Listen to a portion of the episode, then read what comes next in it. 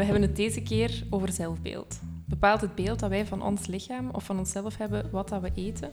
Of heeft ons eetgedrag soms misschien ook een invloed op hoe dat wij onszelf ervaren? Waarom is het zo belangrijk om een positief zelfbeeld te hebben? En hoe doen we dat dan eigenlijk precies?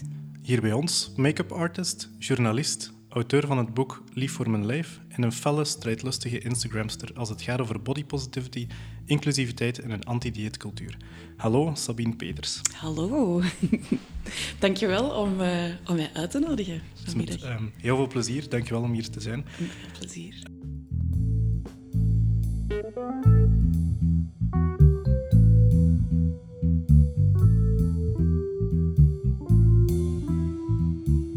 De meeste mensen kennen u misschien wel van uw boek, Lief voor mijn lijf, Mhm. of van uw aanwezigheid op social media. Maar wat is eigenlijk uw drijfveer daarvoor geweest om, om u daarvoor in te zetten? Ik ben van jong, en daar begint het meestal wel bij mij, van jongs af ehm, iemand geweest die heel gevoelig was en ehm onrechten niet goed verwerkt kon krijgen. Dus ik was al heel snel iemand die daar tegenin ging. Ik herinner mij nog, in een middelbare school was ik altijd zo degene die met petities rondging voor onrecht dat in school plaatsvond. En zo. Dus ik was al... Nu is dat heel awkward om daarop terug te kijken, maar dat, dat illustreert wel dat ehm, ja, het, het, het bezig zijn met en tegen onrecht op verschillende vlakken ehm, iets was dat altijd al in mij heeft gezeten. En om dan specifieker rond het body awareness ehm, verhaal te gaan. eh, vanaf mijn 16, 17 jaar heb ik eh, eetstoornissen ontwikkeld. Eh, eerst was dat anorexia en dat is dan overgegaan in, voor heel lang eigenlijk in bulimie. En ik wist dat het fout ging, maar het was een ding in mij dat ik er heel moeilijk uit kreeg. En dus ik was daar wel heel erg mee bezig van... Hoe zit deze eigenlijk? En eh, als ik voor het eerst alleen ging wonen, was ik 4, 25 jaar en ik was juist met mijn carrière als make-up artist gestart en ik zag die carrière volledig zitten, maar ik merkte wel dat eh, het slecht in mijn vel voelen en dat stukje eetstoornis, dat dat een hele grote rem was. Ook in mijn carrière. En ehm, ik ben een beetje op zelfonderzoek gegaan. Ik ben online... Ja, toen was het nog de start van Facebook. En een, een groep opgericht om daarover te praten. En zo, ja, is dat blijven ontwikkelen, blijven ontwikkelen. En eh, ben ik me daar meer en meer in beginnen verdiepen. En is dat nu al drie jaar geleden? kwam de vraag van mijn uitgever, want ik had al een keer met Lano gewerkt, van is het iets voor jou om daar een boek rond te schrijven? Want ik zit daar meer en meer actief mee bezig.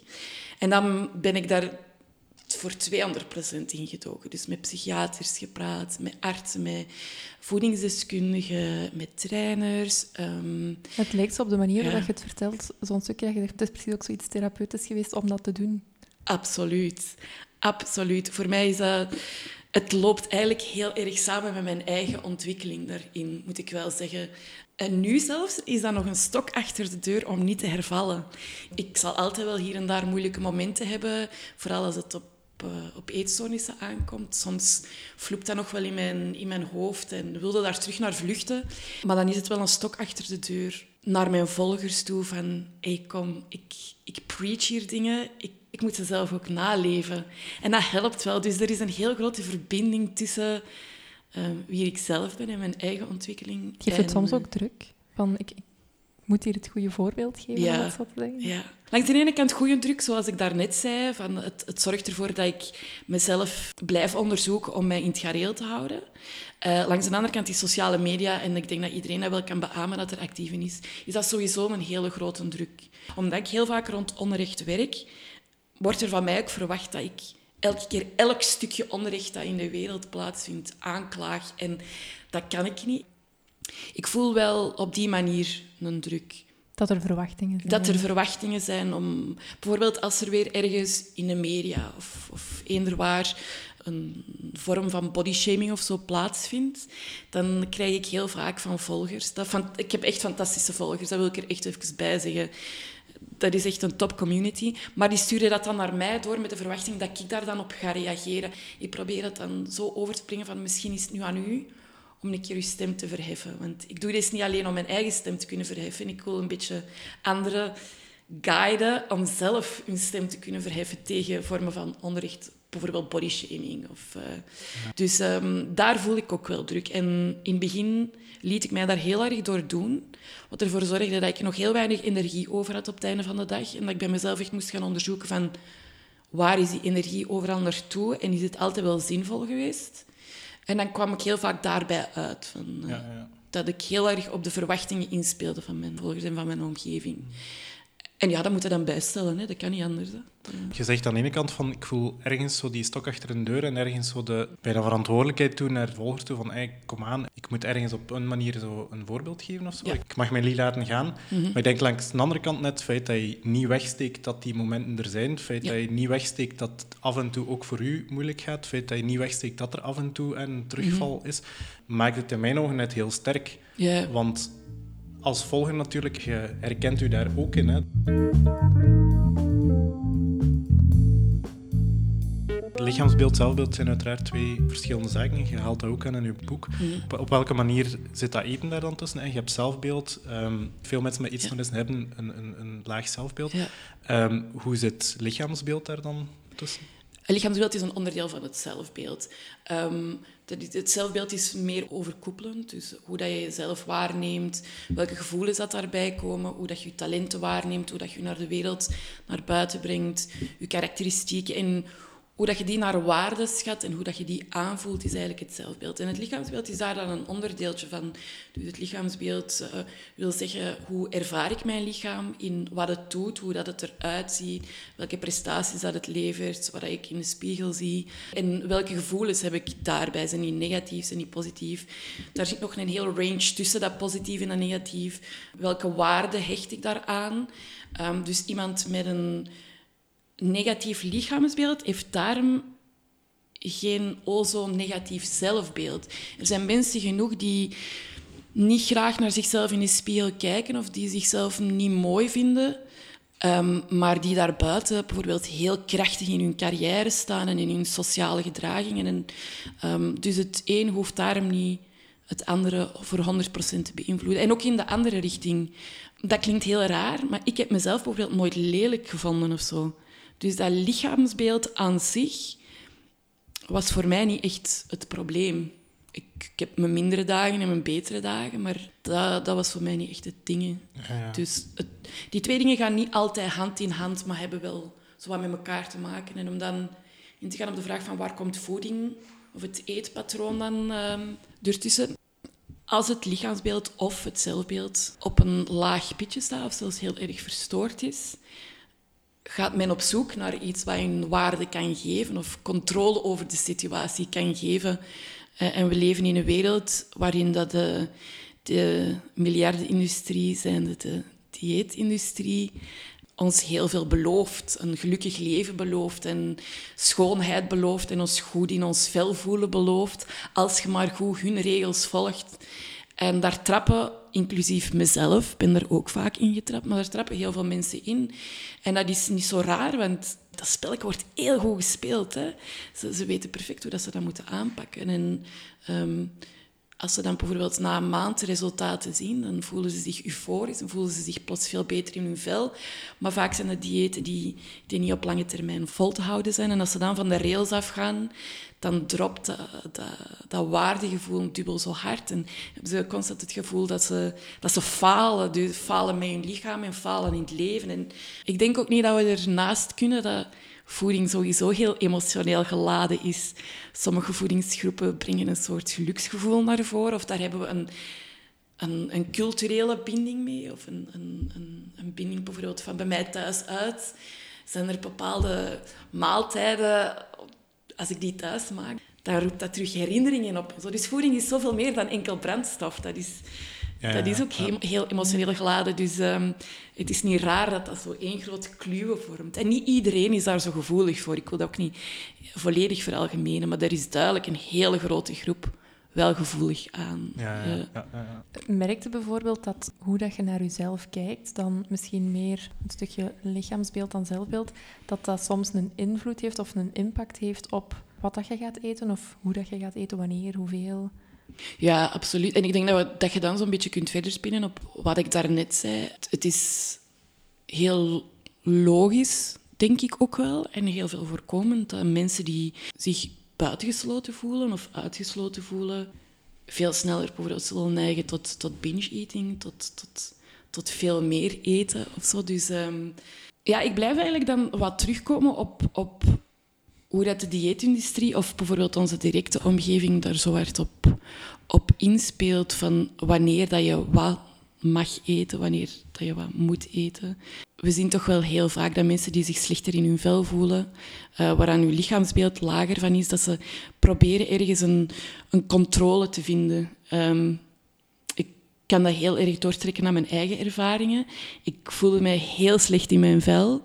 Ehm, ik wist niet wat ik met die emoties moest doen. Ik kon ze toen ook nog niet benoemen. Nu kan ik die perfect benoemen, toen niet. En ik was eigenlijk een beetje de controle over mezelf kwijt. Zeker op die leeftijd, 16, 17 jaar. Alles is al gewoon een grote wirwar. En er werd mij plots zo... Ik, ik had dat ergens gelezen of op tv gezien. werd er mij gezegd dat ik mij gelukkiger zou voelen als ik dit bepaald eetpatroon zou volgen. En ik begin het dan beginnen doen en ik voelde plots hoe dat, dat ik controle vond in mijn leven. Ineens was er toch één stukje waar dat ik zelf invloed op had. En dat was het enige. Dat controlestuk, dat kan heel negatief uitmonden.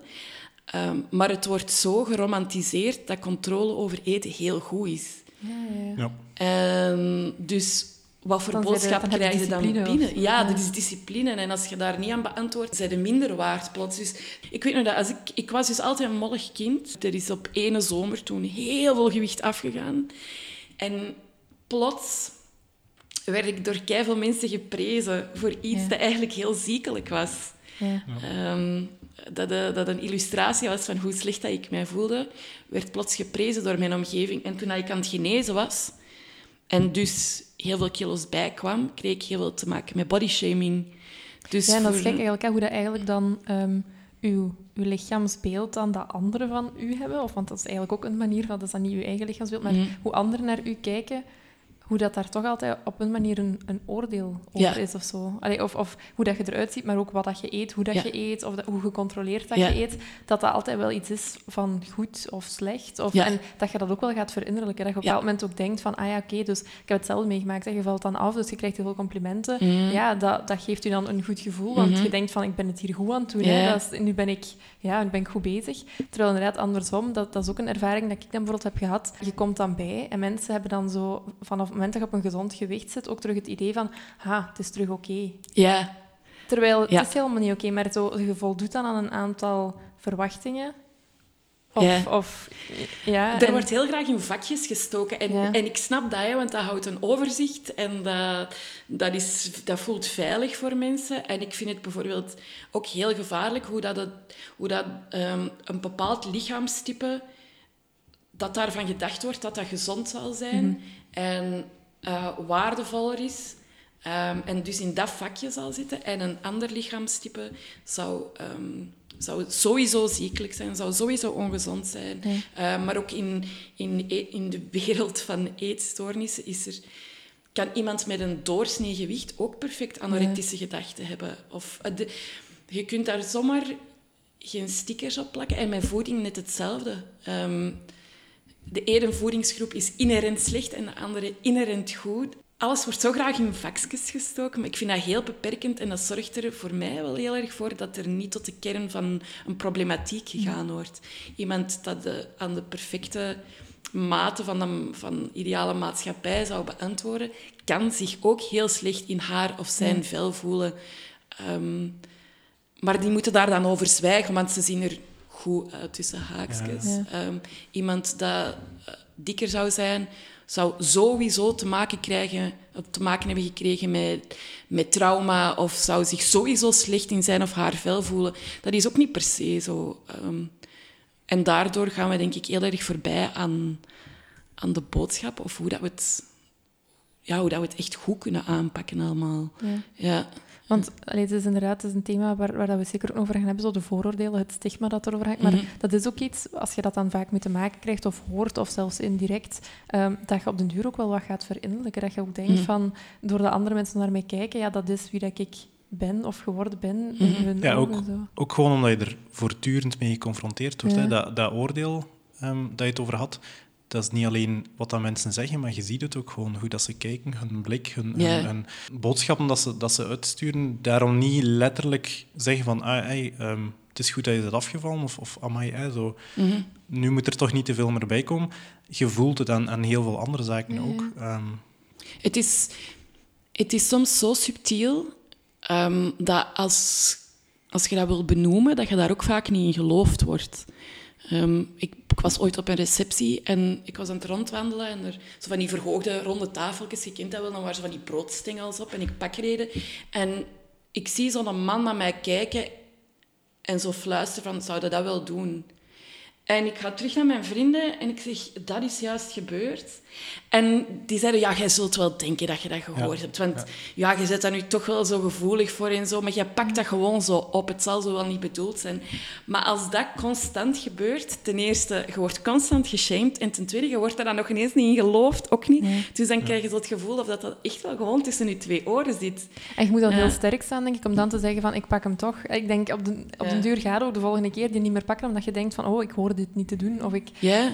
En dat is dan weer vaak een vrijgeleide om vooral stiekem te gaan eten. Hè. Ja. Eh, dat is een, voor mij toen een periode geweest dat ik... En ik vind dat soms nog moeilijk om aan tafel te zitten met heel veel mensen. En heel publiekelijk eh, de hele avond te- tafelen. Om dan zo s'avonds thuis te komen en, en dan pas echt te beginnen eten. En dat is kei jammer, want eten is een gezellig gebeuren. En Ja. dan, ja... Die emoties horen daar dan voor mij eigenlijk niet zo bij. Maar Ja, soms... die, ja. die gevoeligheid dat je, dat je naar verwees, dat is iets dat ik ook heel veel herken. Zo, ehm, gelijkaardige situatie, als je daar iets van zegt. Ehm, zelfs ook gewoon de persoon aanspreekt, zegt van kijk, Mm. hey, dit vind ik echt niet fijn, dit, Mhm. dit doet dit met mij. Ehm, dan word je ook weggezet van ja, maar ja, hey, je zit nu wel zeer gevoelig, hey, we mogen niks meer zeggen. Zo. Ja. Maar dat is niet die ene opmerking. Het Nee. zit in, in gedrag, het zit in uitspraken, het zit in blikken, het zit in, in het voortdurend geconfronteerd worden met... en inderdaad, dat is, dat is heel sterk hoe dat, dat erin zit. Zo van, ja, maar je moet misschien niet zo gevoelig zijn.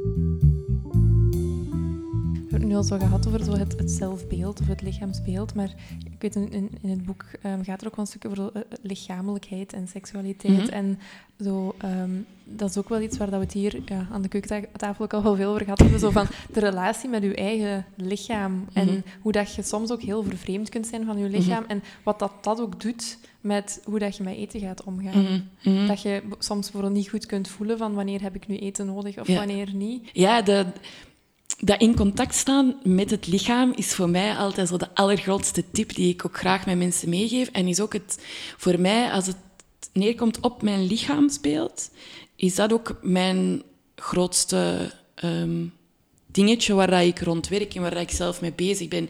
Ik kan heel goed zeggen, wanneer het wat minder gaat met mij, mentaal, voel ik meteen die vervreemding van mijn lichaam en die lichamelijke cues die worden gegeven van honger, van vermoeidheid, ehm, in relatie staan met het lichaam zelf en, en de signalen dat het lichaam geeft, is voor mij altijd zo een van de, van de belangrijkste dingen geweest. En is voor mij ook toen ik vastzat in dat stuk bulimie en ik wilde ik wilde beter doen in mijn carrière, maar ik voelde dat ik dan eerst dat stuk van die eetstoornis moest aanpakken en dat zelfbeeld moest aanpakken.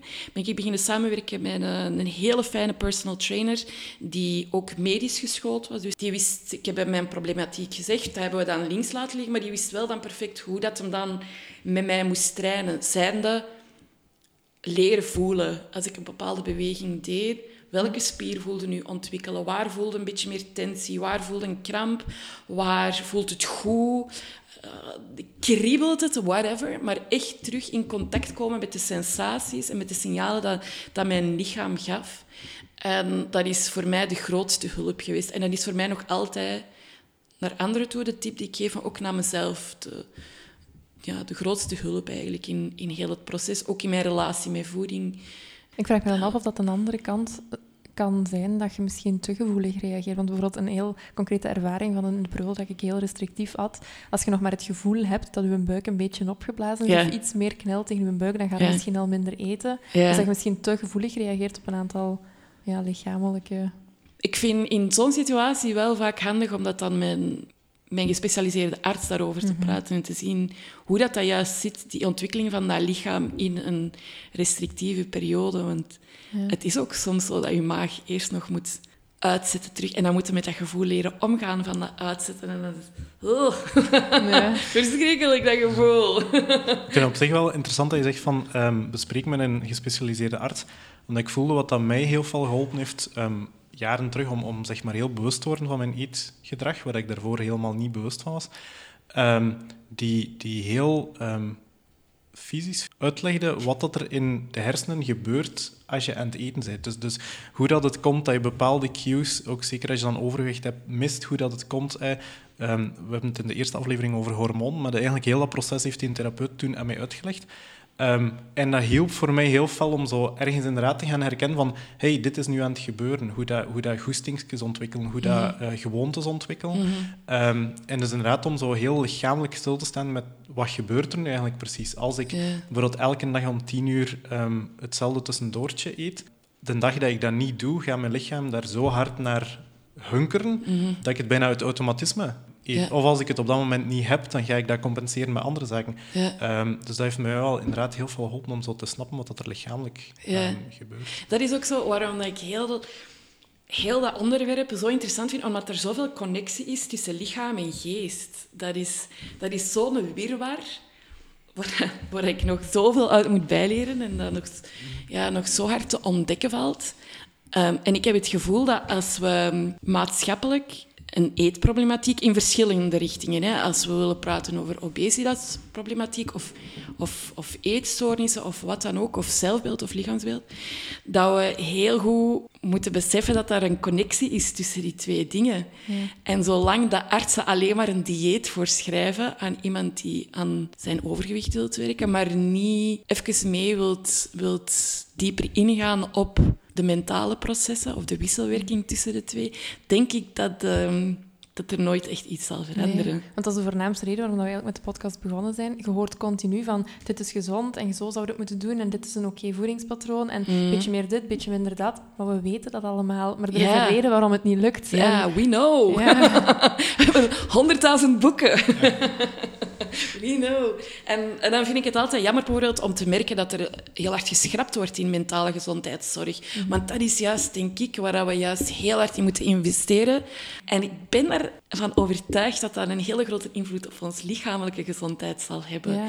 Ja, en eh, op een manier moet je ook niet verwachten dat de, de, de patiënt of cliënt of, of de persoon aan de andere kant, dat die dat zelf weet of voelt. Want ik, als ik ja. dan puur kijk naar mezelf ook, ik ben jaren geleden naar de huisarts gestapt. Ik maak me zorgen over mijn gewicht. Ik weeg te veel. Ik weet dat ik volgens alle schalen te veel weeg. Dus ik wil daar iets aan doen. Ehm, die heeft mij toen naar een diëtist gestuurd. Maar er was op dat moment nog geen haar op mijn hoofd dat eraan dacht dat er misschien ook wel iets scheelde met mijn zelfbeeld. Ja. Ehm, met mijn lichaamsbeeld was ik ondertussen al vooruit van, eh, daar klopt iets niet.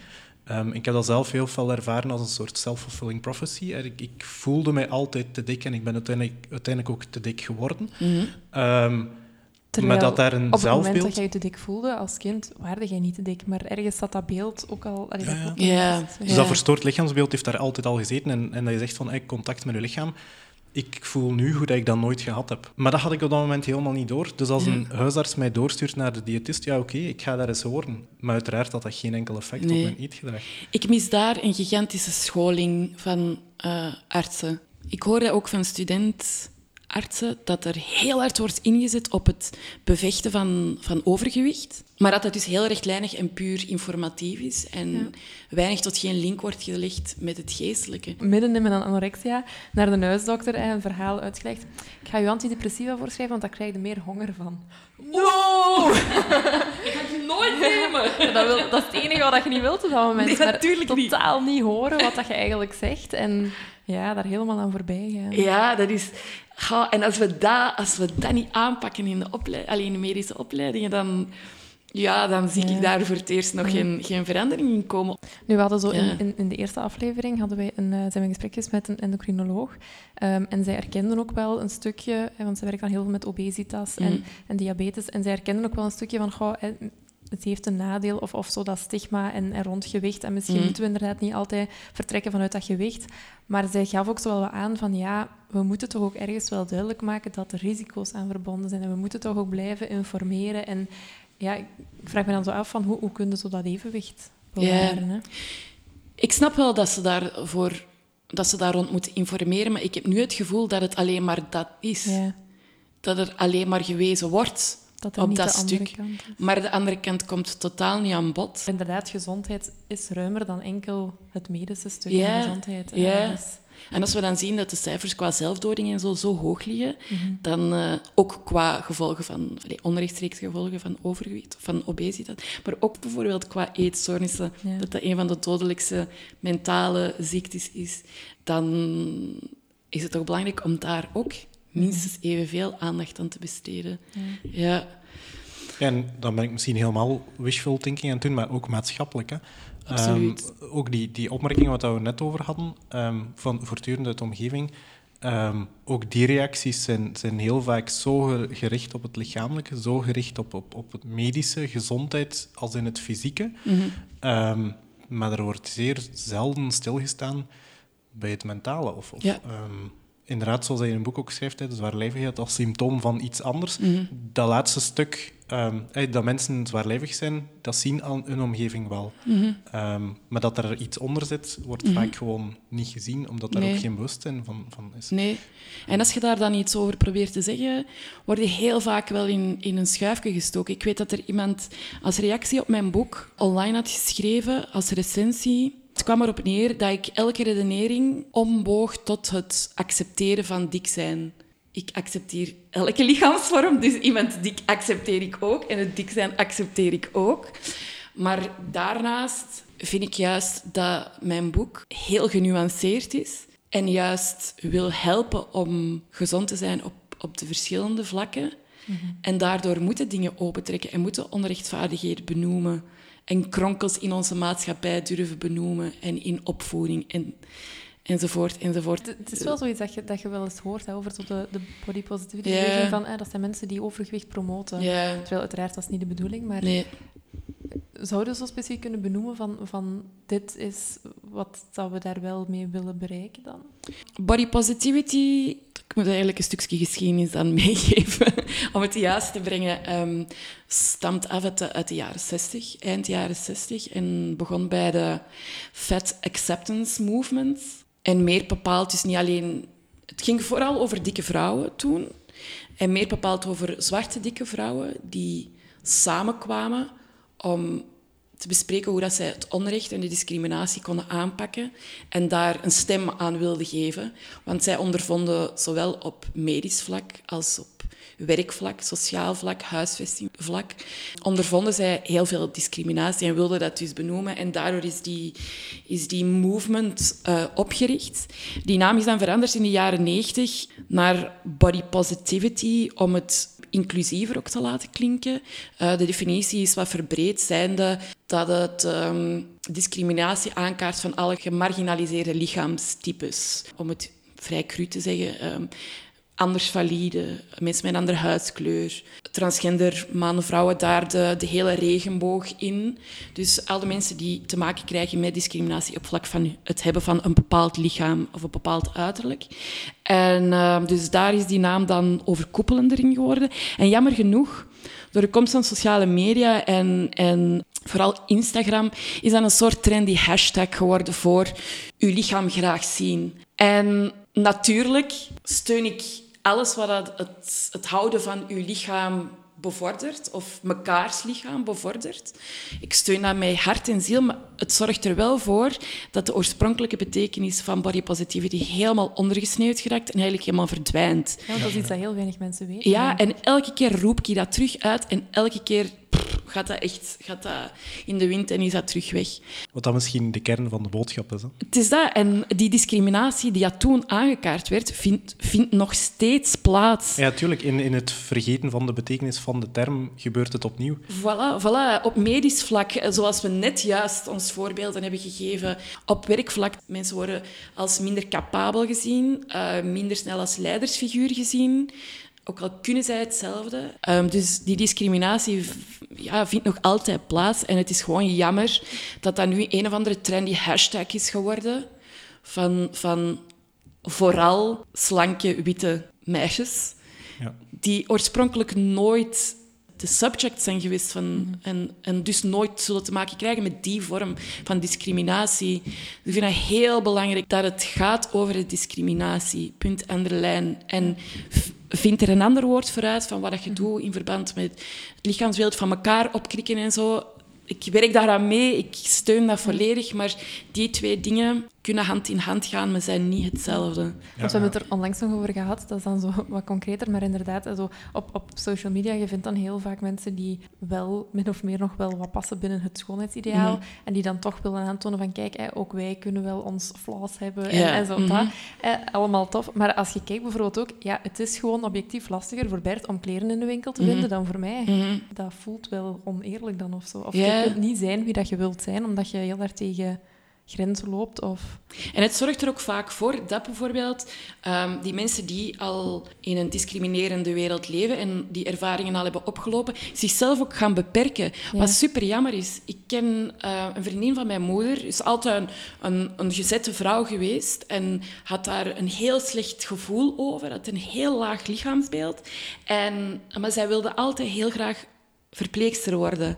En zij heeft die carrière nooit durven nastreven, omdat zij dacht, ik ben daar te dik voor en ik ga daar te maken krijgen met allerhande discriminatie. Dat is gewoon super jammer. Dus je gaat je eigen leven inperken en je eigen talenten wegsteken, omdat je daar op voorhand eigenlijk die discriminatie en, en het slechte gevoel daar rond wil tegengaan. Ehm, ik denk dat dat zelfs niet bewust... vaak niet bewust gebeurt, dat je gewoon mm. er al van uitgaat dat dat niks voor u is. Mm zonder daar een reden voor te geven. Ja. Dat je, dat je...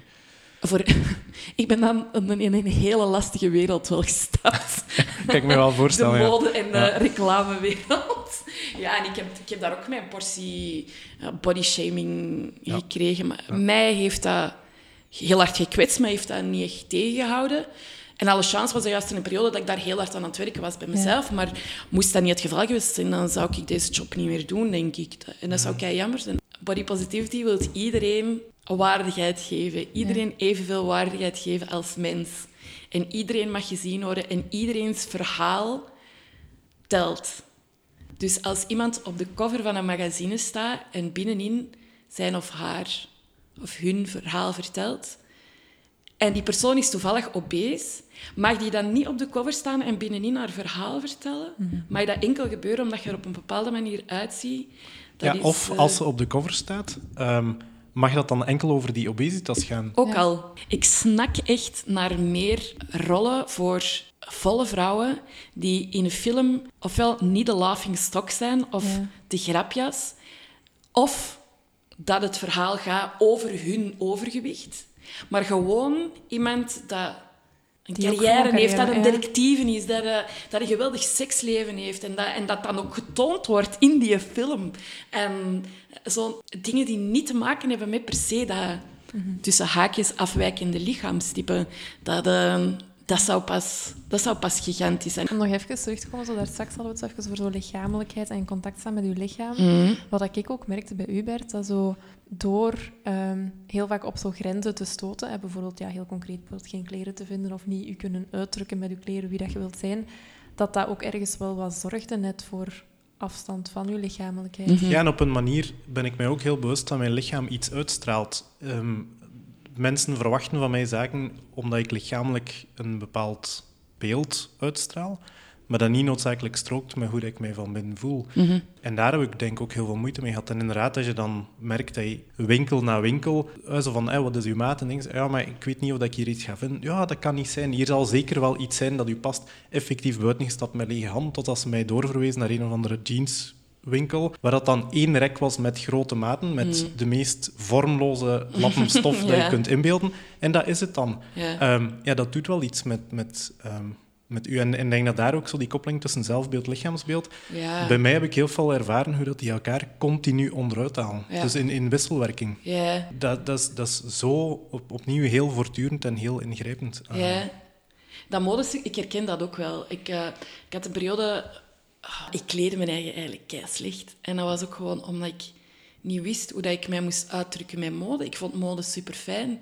Ehm, en ik wou, en, ja, ik wou dat, dat, ik, dat ik mezelf naar voren kon brengen met leuke stukken.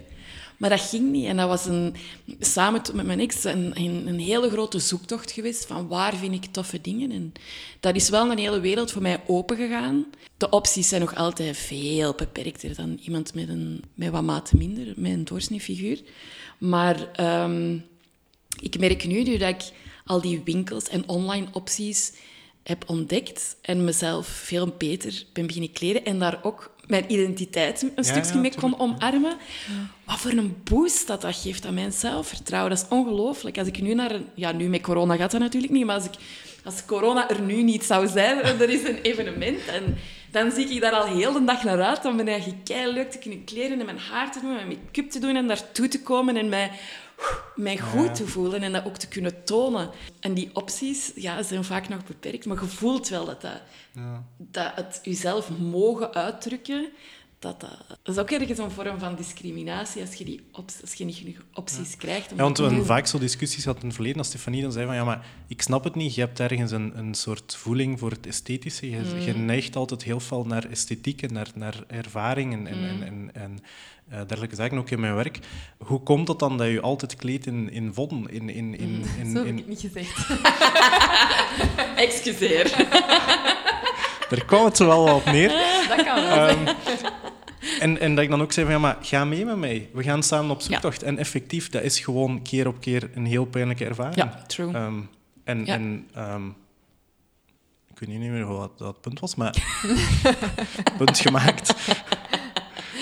Nee, maar dat is... Dat... Maakt niet uit hoe dat eruit ziet. Maar dat doet ook veel met je zelfbeeld. Hè? Want natuurlijk, zo, je moet blij zijn met een overschot. Je moet blij zijn met je ja. past. Zo. Ja, natuurlijk. Je moet niet te veel keuze hebben. Zo. Valt maar een beetje af. Allee, dat, is zo, dat is wat je impliciet daar wel uit ja, meepakt. Ja. ja, dat kan niet anders dan dat dat invloed heeft op hoe dat je over jezelf mm. voelt. Je moet daar wel heel sterk in je schoenen staan om dat elke keer uh, te kunnen tegenhouden, denk ik. Uh, ik heb nu samengewerkt met Xandres. En dat is tot nu toe altijd ontzettend fijn verlopen. Uh, en dat, die maat uh, gingen tot 52, 54. Uh, maar dat is al een iets prijzigere collectie. Dat zijn iets prijzigere stukken. Daar ben ik me van bewust. En dus dat is ook niet voor iedereen haalbaar dan om dat te kopen. De keuze blijft wel beperkt voor heel veel mensen. Mm.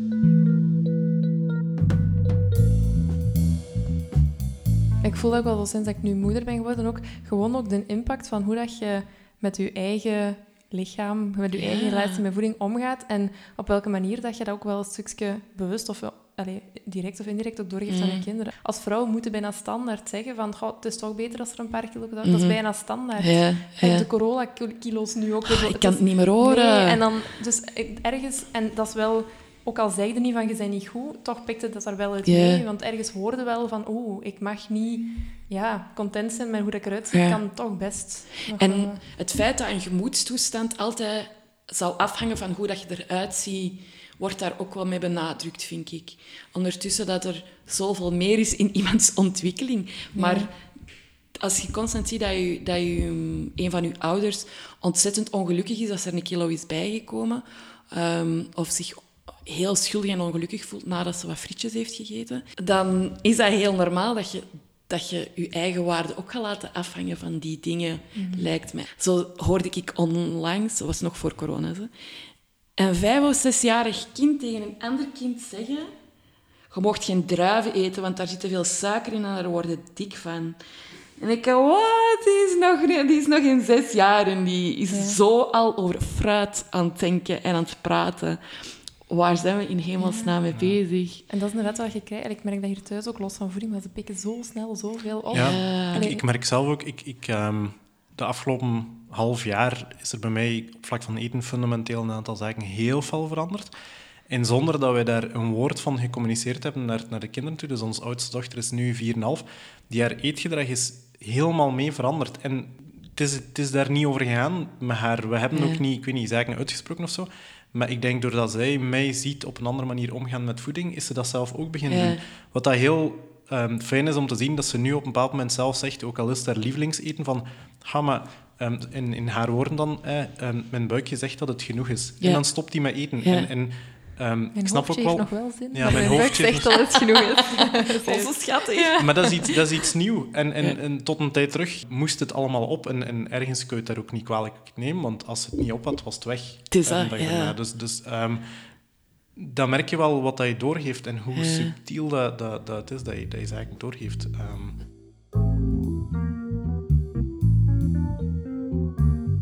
Ja, voor mij is is het heel belangrijk om duidelijk te maken dat als je over die dingen praat en de kwetsbaarheid die opgesteld wordt daar rond, dat dat een soort van, van kracht is dat je, dat je eigenlijk laat zien. Want ik, ik heb dat onlangs ook in een Instagram-post gezegd. Eh, ik heb heel vaak schrik dat als ik mijn verhaal breng, dat mensen gaan denken dat ik een of ander labiel geval ben of zo. Ehm, ondertussen dat ik juist heel trots ben op het feit dat, dat ik de veerkracht heb om, om ergens uit te geraken. En als ik uit 18 jaar eetstoornissen kan geraken, dan kan ik alles aan, eigenlijk. En ik voel dat nu ook echt zo. Elke keer als ik, als ik een negatieve ervaring opdoe, als ik verdriet heb, of ik voel me terug wat angstig of zoiets, ik onderga die emotie zonder dat het mij helemaal van de kaart veegt, maar ik onderga die wel. En ik weet nu van mezelf heel goed hoe en dat ik erdoor zal geraken. Het feit dat ik dat weet, raak ik er ook sneller door. Dus ja, dat dan- vertrouwen daarin. Hè. Zo. dat vertrouwen daarin dat je dat kunt. En dat maakt die veerkracht... Ik heb het daar onlangs ook met een vriend over gehad. Het, het vertrouwen hebben in je veerkracht. Je zult altijd op negatieve ervaringen botsen. Dat wil ik ook wel altijd meegeven aan mensen die struggelen met onder andere hun lichaamsbeeld, zelfbeeld, gewicht, eetproblematiek. Als je leert van dingen te kaderen, wil dat niet zeggen dat je die emoties nooit niet meer zult voelen, dat je niet meer Ja, te ja. dealen krijgt met die onzekerheden of zoiets. Maar je weet wel Je kent jezelf Ja. wel beter doordat je... En je gaat ook wel Ja. sneller kunnen voelen van wat heb ik nodig, hoe kan ik ermee Ja. omgaan. Bij wie kan ik terecht? Ja. Welke kapstokjes heb ik zo? Allee, ik, ik ben heel kritisch als ik het heb over lichaamsbeeld en de invloeden en dit en dat. Maar ik wil altijd zo wel even met een positieve noot eindigen, dat, het, eh, dat je er gewoon keisterk uitkomt. Ja. Heel erg merci. Heel graag gedaan.